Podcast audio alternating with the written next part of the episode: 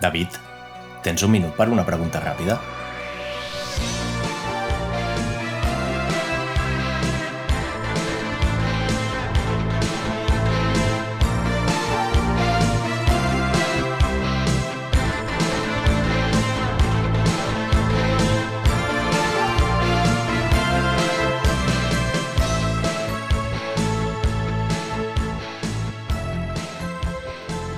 Tu sempre tinc un minut, però normalment quan es pregunta, quan dius si tinc un minut per una pregunta ràpida, vol dir que vols una resposta ràpida i això és un de, una de les meves eh, no sé, molèsties típiques de, de relacionades amb les interrupcions en el lloc de treball.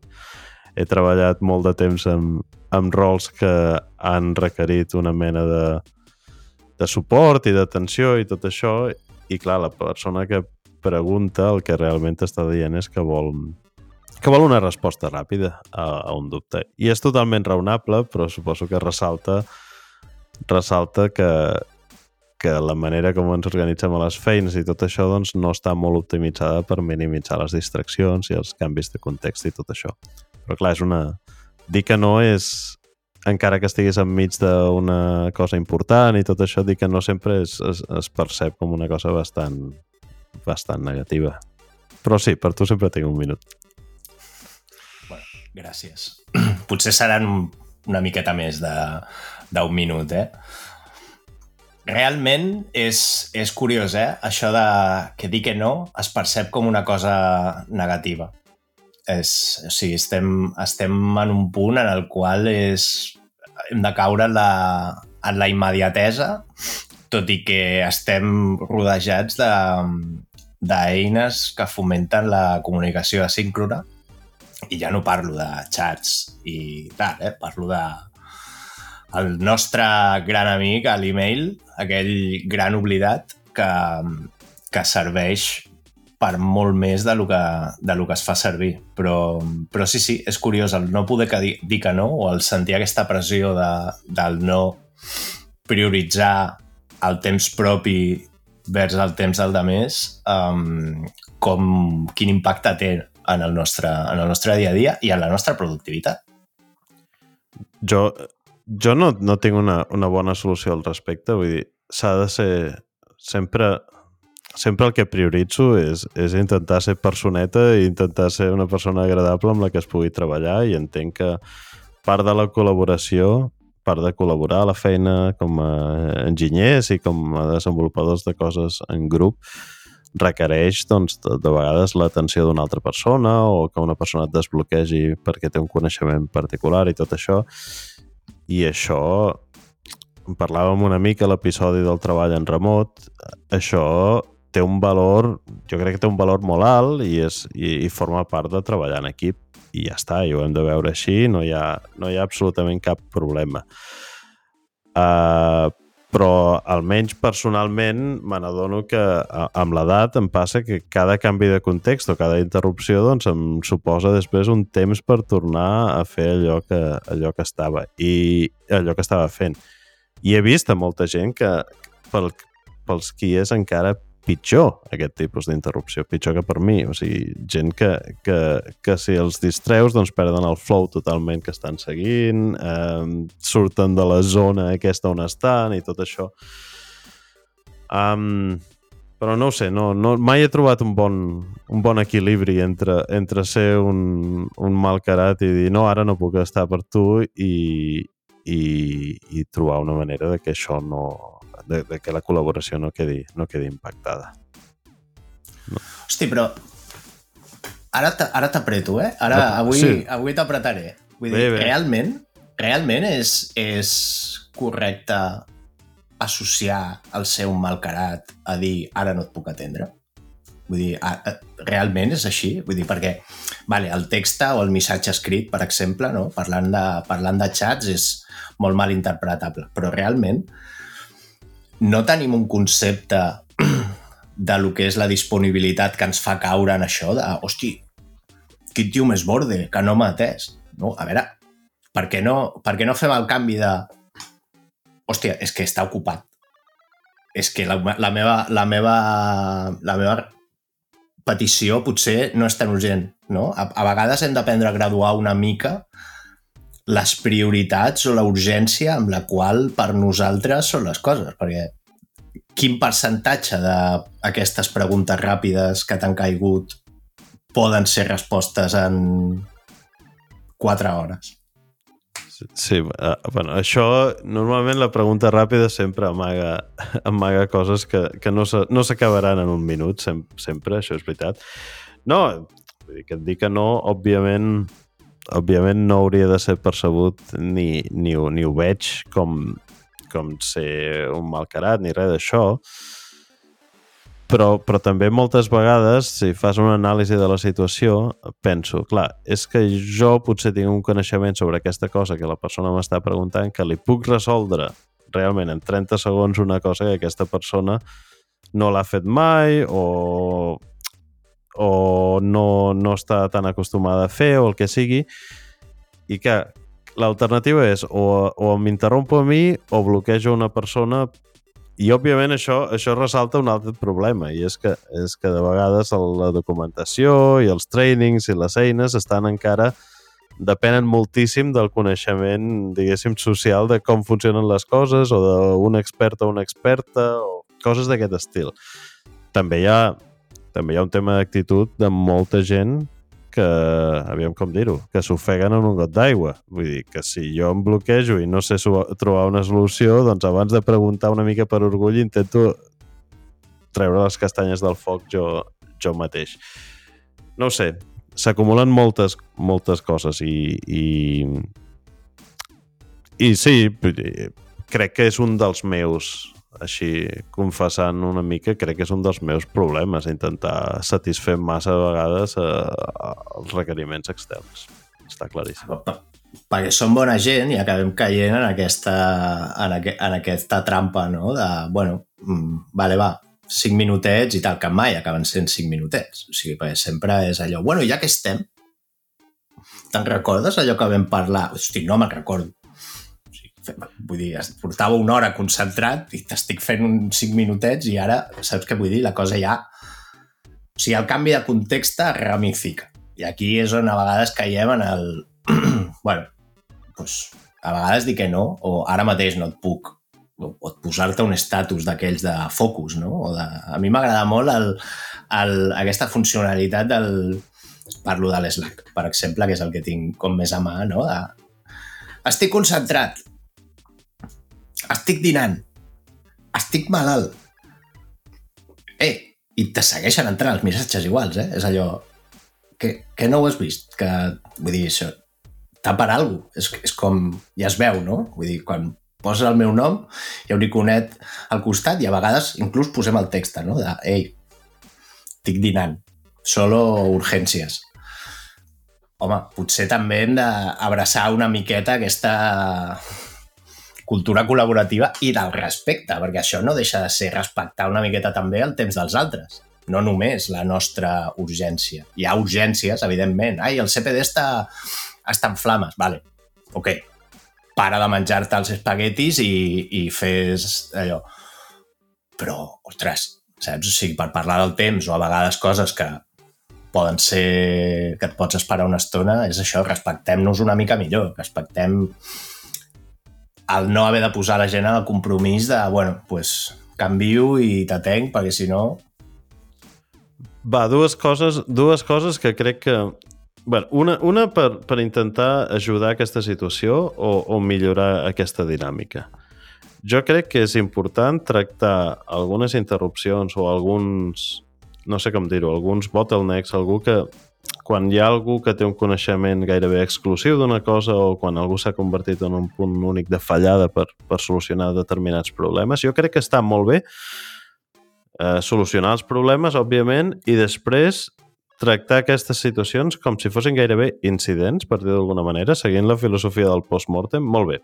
Què passa? Que aquest equip necessita, depèn sempre de la persona X per solucionar el problema Y què hi ha, què, què hi ha en aquest equip que s'hagi de fer diferent? O què és aquest, com hem arribat a tenir aquest problema Y que és tan complex de, de, de tractar que requereix d'un background enorme, d'un coneixement històric, d'un coneixement institucional més gros. Què hem de fer perquè la resta de l'equip pugui estar al mateix nivell? Què hem de fer perquè la resta de l'equip eh, sigui autònom? O què hem de fer per fer desaparèixer aquest problema d'una vegada per totes? Perquè, clar, moltes vegades són problemes on de, eh, tant, són problemes d'aquests petits que mai elimines perquè, perquè mai trobes el moment, però quan es repeteixen suficients vegades acaben causant un, un, un dany. I jo, jo ho veig molt semblant a, a, a com, a, com es tracten els incidents o les alertes o una cosa així, com s'haurien de tractar els incidents i les alertes. Eh, aquí hi ha un problema d'autonomia, hi ha un problema d'interrupcions, hi ha un problema de productivitat, hi ha un problema del que sigui, i passa per aquestes coses. Jo crec que pensar-ho així, o sigui, dedicar l'esforç a ajudar la persona que necessita ajuda o o a solucionar un problema, però a part d'això, continuar una mica més per intentar pensar, escolta, per què està passant això realment? On, què falta? I moltes vegades la resposta és, jo que sé, el David és un penques i no ha, realment no ha, pres, no, no ha dedicat el temps necessari per acabar de fer un, un intercanvi de coneixement sobre aquest tema o no li ha explicat a algú com funciona això o o el David li fa massa mandra explicar això a tothom, per tant, bé, ja ho faré jo la propera vegada una altra vegada, i és, és, és com autoinfligit moltes vegades. I jo crec que tractar-ho com una anomalia semblant a un, a un incident és una bona estratègia. Um, aquesta és una cosa. I l'altra cosa que volia explicar, doncs no me'n recordo perquè se m'ha anat al cap. O sigui que... que ja vindrà. Bueno, ja, ja tenim una edat. Jo, mira, pues, poso jo la, la, segona, la segona cosa, és no posar-te online mai. O sigui, sempre aparèixer com offline. Així, com a mínim, t'assegures de que estàs protegit si no respons. Això és el que faig jo. Jo, jo, jo intento evitar utilitzar cap eina que no, que em, perme, que no em permeti posar-me invisible. Invisible, jo crec que és la funcionalitat que li demano a qualsevol sistema de missatgeria i tot això. No. Stealth mode. No, no, ara, ara parlant en sèrio i, i portant les coses una mica a l'extrem. Això no només passa en, el, en els entorns de, de, de feina, no? Hi ha eines així més corporatives, tipus Slack. Imagina't que Slack tingués la funcionalitat com el WhatsApp del double check. Del missatge s'ha llegit. Uf. El, el dia que això s'implementi i, i espero que no s'implementi mai perquè serà el, la, la destrucció de la, de la productivitat. Vull dir, estàs perdut. Estàs perdut perquè és, la, perquè és una qüestió ja més social, ja és més de, de comportament, de, l'esperar i, el, i el posar pel davant el, la teva necessitat, no? De, que a vegades l'és la necessitat i necessites una resposta immediata però en gran nombre de casos no. Vale? Però tu imagina't que això passés. Ei, que sé que ho has vist. Ei, em pots contestar, si plau? Ei, que d'allò... Llavors, clar, és allò, acabes contestant per desgast, perquè és allò, si és que no puc. Saps? Si és que estic intentant fer quatre línies i ploplom, ploplom, ploplom. Què passa amb això? O què podria passar?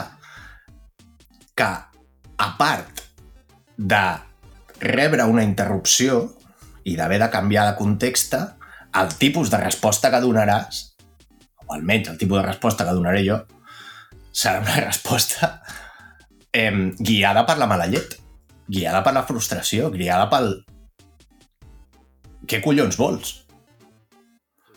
Llavors aquí, clar, se'ns obren més, més, més problemes ja inclús que afectaran a la interacció, no? Perquè tan, tan important és donar una resposta o poder atendre una, un, una petició en el temps adequat com la qualitat d'aquesta resposta. Quantes d'aquestes respostes o quantes d'aquestes converses acaben esbiaixades precisament per això, no? Pues, M'estàs obligant a deixar el que estic fent i...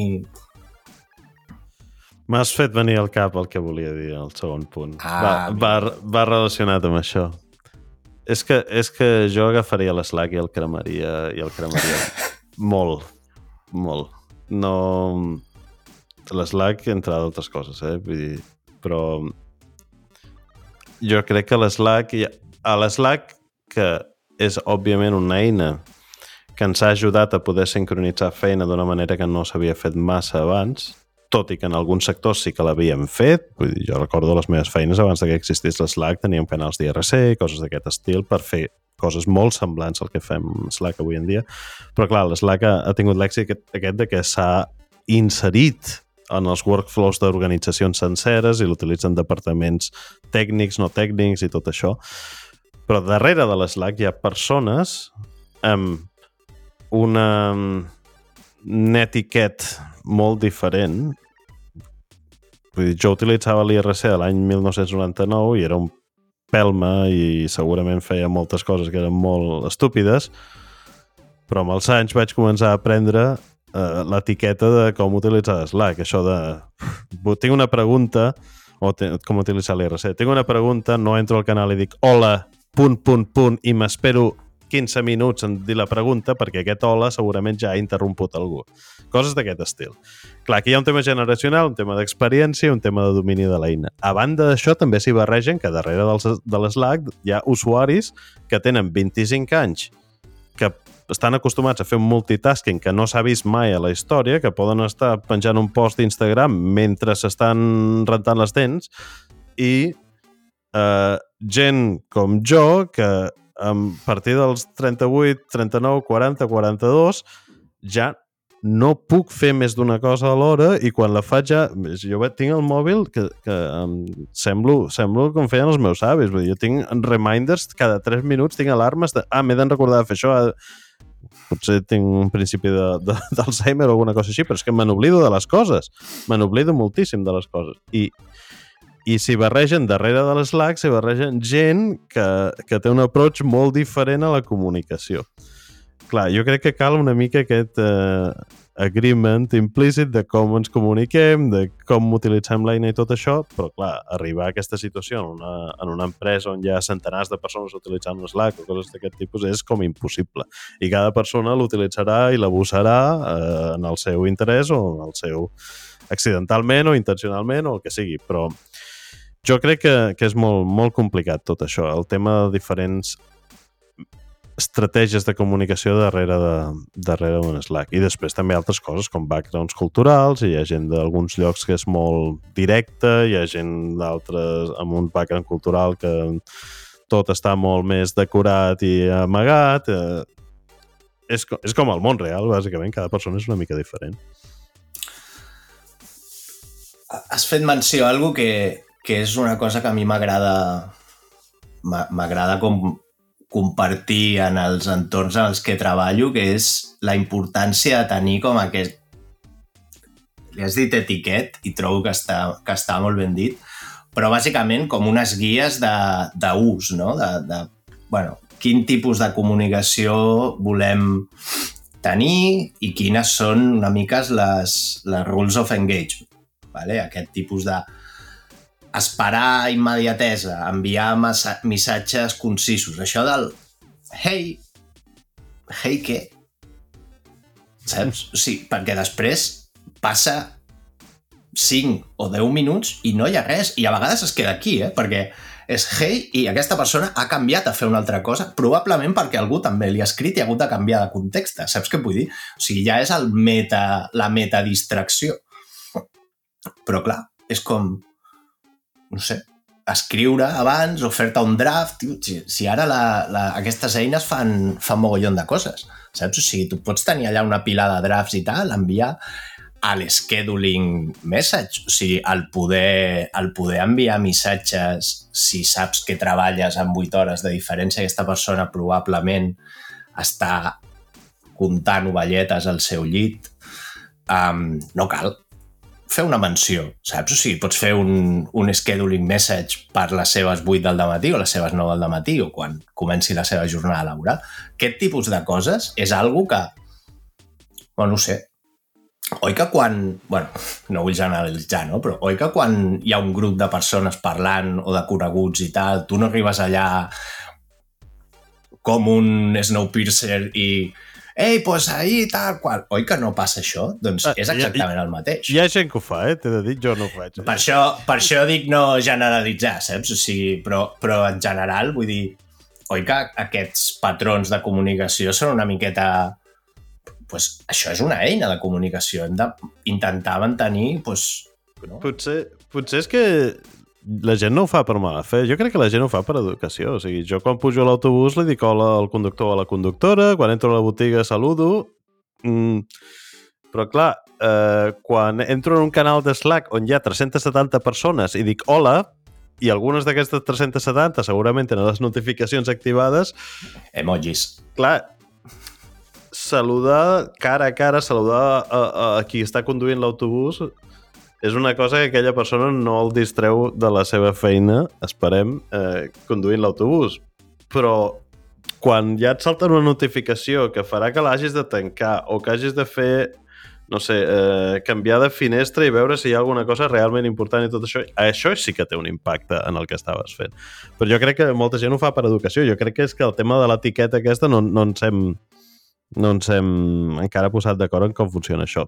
Segurament ens deu estar sentint alguna persona de 20 anys i deuen pensar que aquests tios estan... Eh, són aquests iaios ens estan explicant aquí per favor, no sé què. Clar, només vull dir que els respecto molt, us respecto molt a la gent de 20 anys i crec que sou uns cracs amb el tema del multitasking i tot això, però, però també penseu que, que venim d'una altra generació i això, això és complicat per nosaltres. Pues jo aquí et diré que trobo i m'he trobat que, que aquest, que, que les generacions com més joves són les que millor us fan d'aquestes sí. eines i la gent potser més propera a la nostra edat, inclús una mica més... Allò, no diré quina és la nostra edat, perquè evidentment som gent jove sí, i a la cresta de la, de la, de la ola, um, però, però trobo que és, que és més això, no? Una mica el, el, potser generacions una mica més, més grans que estan acostumats a un altre tipus de comunicació, molt més presencial, molt més immediata, molt més de... allò que ho han traslladat a o haver-se forçats a fer servir aquestes, aquestes eines i, i traslladen el, el que saben. Per això crec que és important a vegades definir no? aquesta etiqueta de com interactuar amb, amb, aquest, amb aquest tipus de, allò. Fa gràcia això de, de que dius bon dia o dius hola al conductor de l'autobús. Vale, jo no vull semblar friki, però jo el que xerro d'Amazon li demano les coses, si plau. Sí, sí, jo també. No... Però hem d'anar en compte, eh? Vull dir, les màquines... Siguem amables pel que pugui passar, eh? Bueno, clar, vull dir, no, i també és perquè tinc fills i m'agrada també promoure una mica aquest exemple de cordialitat i de, i de bàsics d'educació, de, però no sé, vull dir, jo si estigués conduint un autobús 8 hores o no sé quantes hores fan per torn, veure passar gent que em consideressin part del mobiliari, hosti, doncs, tampoc no m'agradaria, amb la qual crec que aquesta, aquest, aquest mínim és, és necessari. Un dia, un dia has d'anar a viure a Suècia un, una estona i veure què, veure què passa quan entres en un autobús i saludes al conductor o a la conductora. Mirades, mirades estranyes. Ui, què vol aquesta persona? No, no, no sempre, eh? Fa, faig una mica de broma, però la gent ho agraeix, òbviament, però no és una cosa que... Sí, sí, ja, ja, no és comú. Bueno, també és cultural, no?, a vegades, però, però no sé. Sí, eh, això sí que comparar una mica els backgrounds culturals, jo crec que una, una cosa que ens diferencia molt de, de Suècia, o almenys de la Suècia que jo he experimentat i experimento bastant sovint, és que crec que els suecs tenen una obsessió malaltissa per res, perquè la gent respecti el seu temps i per respectar el temps d'altri. I, I de vegades interrompre es percep com una cosa molt, molt dolenta perquè perquè realment estàs, estàs envaint el que no vols que t'enveixin, que és el temps. Allà el temps personal, el temps de lleure, el temps privat, el temps de feina, tot això van molt són molt preuats, per dir-ho d'alguna manera. Això també crea un problema de socialització i de comunicació molt, molt real i, i certament recordo recordo bastant la meva arribada al país pensava, bueno, aquí la gent què passa? Que sóc un moble i no, no, no, no, no, no em veuen, però però hi ha un tema aquí molt, molt, molt estricte en quant al temps. No sé, m'agrada. I és un tema que he comentat amb altra, amb altra gent que ja ha arribat mm, a Suècia ha grans o venint de cultures molt diferents i no sóc l'únic que ha, ha viscut una cosa semblant. Clar, jo no sé, potser és també pel meu caràcter, eh? però a mi m'agrada aquesta concepció de... Vull dir, la primera persona que ha de respectar el temps i, i en què dedica el temps és un mateix. Llavors, sempre dintre d'uns marges de respecte, cordialitat i no caure en borderies i tal, però crec que no està de més, no està malament a vegades marcar una miqueta les línies de anem a veure um, i anem a graduar una mica aquestes responsabilitats, perquè jo tinc una feina, tu tens una feina, i evidentment et puc ajudar, però no puc prioritzar la teva feina davant de la meva.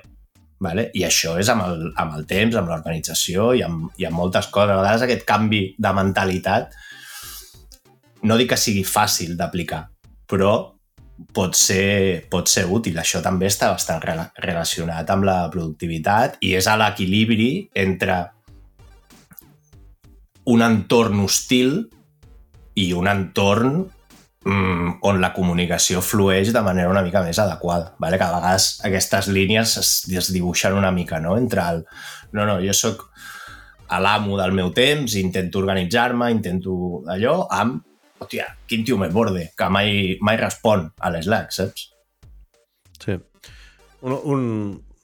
Jo crec que també hi ha el cas de, de gent que s'escuda una mica darrere de no vull ser interromput um, i, i crec que realment són gent bastant amb qui és bastant difícil treballar. Gent d'aquesta que dius, sempre està fent una cosa important, sempre... Aviam, mm, anem en compte, eh? També hi ha el ritual de, el ritual de, de comunicar-se d'una manera o altra s'ha de fer en algun moment o altre i, i hi ha gent que treballa també molt individual eh, i això jo crec que aquests temes d'etiqueta no s'han de confondre amb escolta, no, no vull ajudar-te o no tinc ganes de que em molestis, simplement és una qüestió de ara no és el millor moment. Però bueno. Clar, però això és com tot, no? O sigui, aquesta etiqueta ha de ser una guia, vale? ha de ser una... No vull fer servir pauta, vale? però com, com una mena de pautes per, per poder fomentar això i després adaptar-t'ho a tu mateix. O sigui, no han de ser unes normes. Vale? També a vegades és allò, vull dir, oh, pues, si m'han de tocar els collons, pues, eh, la guia diu que tal. A veure, tampoc hem de ser tan binaris. Vull dir, i aquí, i aquí a vegades també el component social, el component, um, no sé, a vegades més demogràfic també, també, també té a veure. No podem escudar-nos en aquest tipus de, de, de guies i tal. És, és això, només són guies i ens les hem de fer nostres, però bàsicament, bueno, no sé, saps que a l'autopista no pots anar més de 120, Vale, vale, sí, això és una... És, això és... Estic caient en una contradicció, no sé què estic dient i crec que m'està... Estic, estic entrant ara en overflow, vale? però el que, el que vull dir, bàsicament, és que sí, a vegades passa això, no? O sigui, gent que té, bueno, doncs, a vegades més dificultats per interaccionar, ja no només per Slack, eh? Vull dir, això normalment acaba sent una producte també d'altres dificultats que s'escuden en aquestes coses. bueno, doncs, les persones que intentem promoure aquests, aquestes guies, aquestes etiquetes i tal, també hem de fer aquesta tasca i tenir aquesta paciència per intentar equilibrar i veure com allò. No és fàcil, no. Que acaba donant bons resultats, això sí que t'ho puc garantir. Sí, sí. Estic d'acord. Jo recordo, i, i he intentat utilitzar aquesta màxima. Moltes vegades he treballat en, en equips que porten temes de reliability, coses d'aquest tipus, que tenen una certa tendència a la interrupció, moltes vegades per factors externs. Uh, I recordo un, una persona amb la que vaig treballar que amb qui era una mica difícil treballar, però el tema de la comunicació el portava molt bé. Recordo una cosa que sempre li deia a tothom és mira, mm, jo ho responc tot però no et diré quan. Si realment hi ha una cosa greu i important, per què no m'estàs trucant? O per què no agafes el telèfon i fas una trucada? Um, perquè si no, la resta de comunicació és impossible fer ressaltar un missatge respecte a un altre, i per molt que m'insisteixis amb l'Slack, això no, no donaré una resposta abans. Una persona que tenia molta interrupció i molta responsabilitat i tal, i crec que i crec que és una estratègia bona, vull dir, si realment hi ha, hi ha una cosa important, trobes la manera. Trucar no està malament, ja aquests dispositius que portem a la butxaca poden trucar, hi ha gent que no, no ho haurà notat perquè, perquè, ha, perquè això de trucar no es fa massa, però, però poden trucar. De quins dispositius parles? Dels de fer fotos al menjar? Uh, sí, sí. Aquest, el dispositiu aquest de fer fotos al menjar també pot fer trucades. De vegades, de vegades. Vale, vale. Jo això que dius és... és jo, hi ha una cosa que, que a vegades em passa i m'ha passat, ¿vale? perquè bueno, doncs per, la meva, per la meva feina i, i, i les empreses en què he estat, moltes vegades doncs, treballo amb companys i companyes que estan en, en diferents zones horàries. ¿vale? I això a vegades et fa que hagis doncs, de respondre algun missatge o que t'hagis deixat un missatge com per més tard Vale? També hi ha una opció molt xula a l'Slack que és later, saps? O sigui, i pots deixar-te cosetes allà. El meu later té com 400 ítems. També et diré que costa a vegades netejar això, vale? que acaba sent com el cajón desastre. Aquest later és un altre dels 50.000 inboxes que tinc a la meva vida i en parlarem ben aviat. Parlarem ben aviat dels, de, de les safates d'entrada en el podcast, jo crec. Malo, malo obert. Um, I aquest el tancarem però... molt aviat, perquè tinc moltes ganes de tancar-lo. No vull més safates d'entrada a la meva vida. Perdó. No, no, no. De fet, és, és un tema també controvertit. Però el que vinc a dir és... Jo moltes vegades em trobo que respons un missatge, doncs, no sé, dos quarts de dotze de la nit. Vale? Doncs perquè tens una estona, estàs amb el mòbil i tal. També podem parlar això, no? de tenir l'Slack al mòbil i el, el, que, el que a vegades implica. Però el respons et donen les gràcies i és, ui, la pròpia gent se n'adona, dic, ostres, què fas responent ara? I dic, doncs mira, perquè he tingut temps, he pogut fer-ho i tal. I després, en altres converses o d'allò, dius, ostres, és que treballes fins molt tard. Dic, no. O sigui, no, no ens confonem. Jo estic responent un missatge, però decideixo jo respondre el missatge. En el moment en el que tu esperis que et respongui un missatge a les meves 11 i mitja de la nit, Llavors és quan tindrem un problema, perquè llavors és quan deixaré de respondre, et diré clarament que no. Si jo decideixo fer-ho, si jo vull organitzar el meu temps així, bé. Vale? I aquest és el punt al que em refereixo, al de ser una mica amo del teu propi temps. Saps? O sigui, vull dir, escolta, doncs, si de una del migdia a 3 de la tarda he decidit fer una altra cosa i puc organitzar-me per respondre i a més, a vegades té més sentit, no? Perquè a vegades sí que hi ha converses que necessiten immediatesa. I dius, hosti, doncs, ho fem ara, puc fer-ho? Vale. Doncs decisió meva. En el moment en què algú se sent obligat per entorn, per expectatives, per lo que sigui, aquí és on comencen els problemes de, hosti, és que m'envien missatges i clar, i tal, i qual. Bueno, però, a veure, vull dir, ets tu qui pots decidir també, sempre que es pugui, vale? és això, no, no generalitzem, el dir que no. El dir que ara són dos quarts de dotze de la nit i per tu no està dintre del teu horari laboral. Bé, eh, la pregunta ràpida aquesta no era tan ràpida perquè portem 33 minuts aquí no. en... i no, no hem arribat enlloc, però...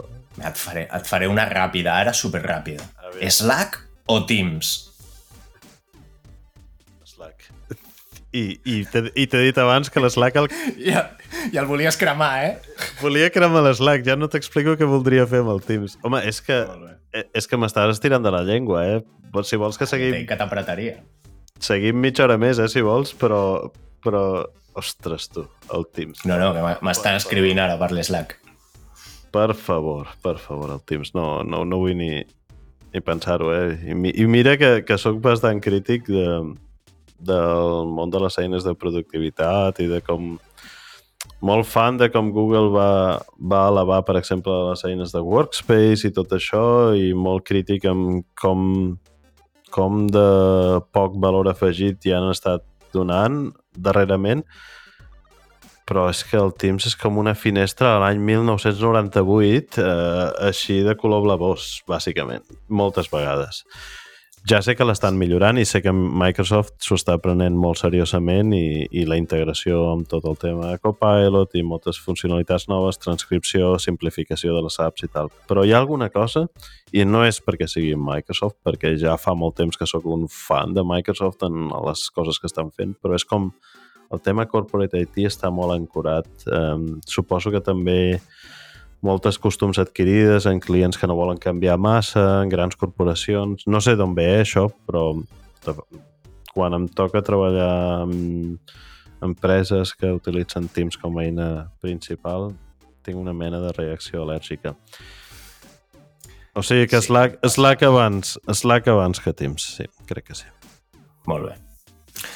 Bueno, David, moltes gràcies un plaer i parlarem aviat de les safates d'entrada. Que vagi bé. Adéu-siau.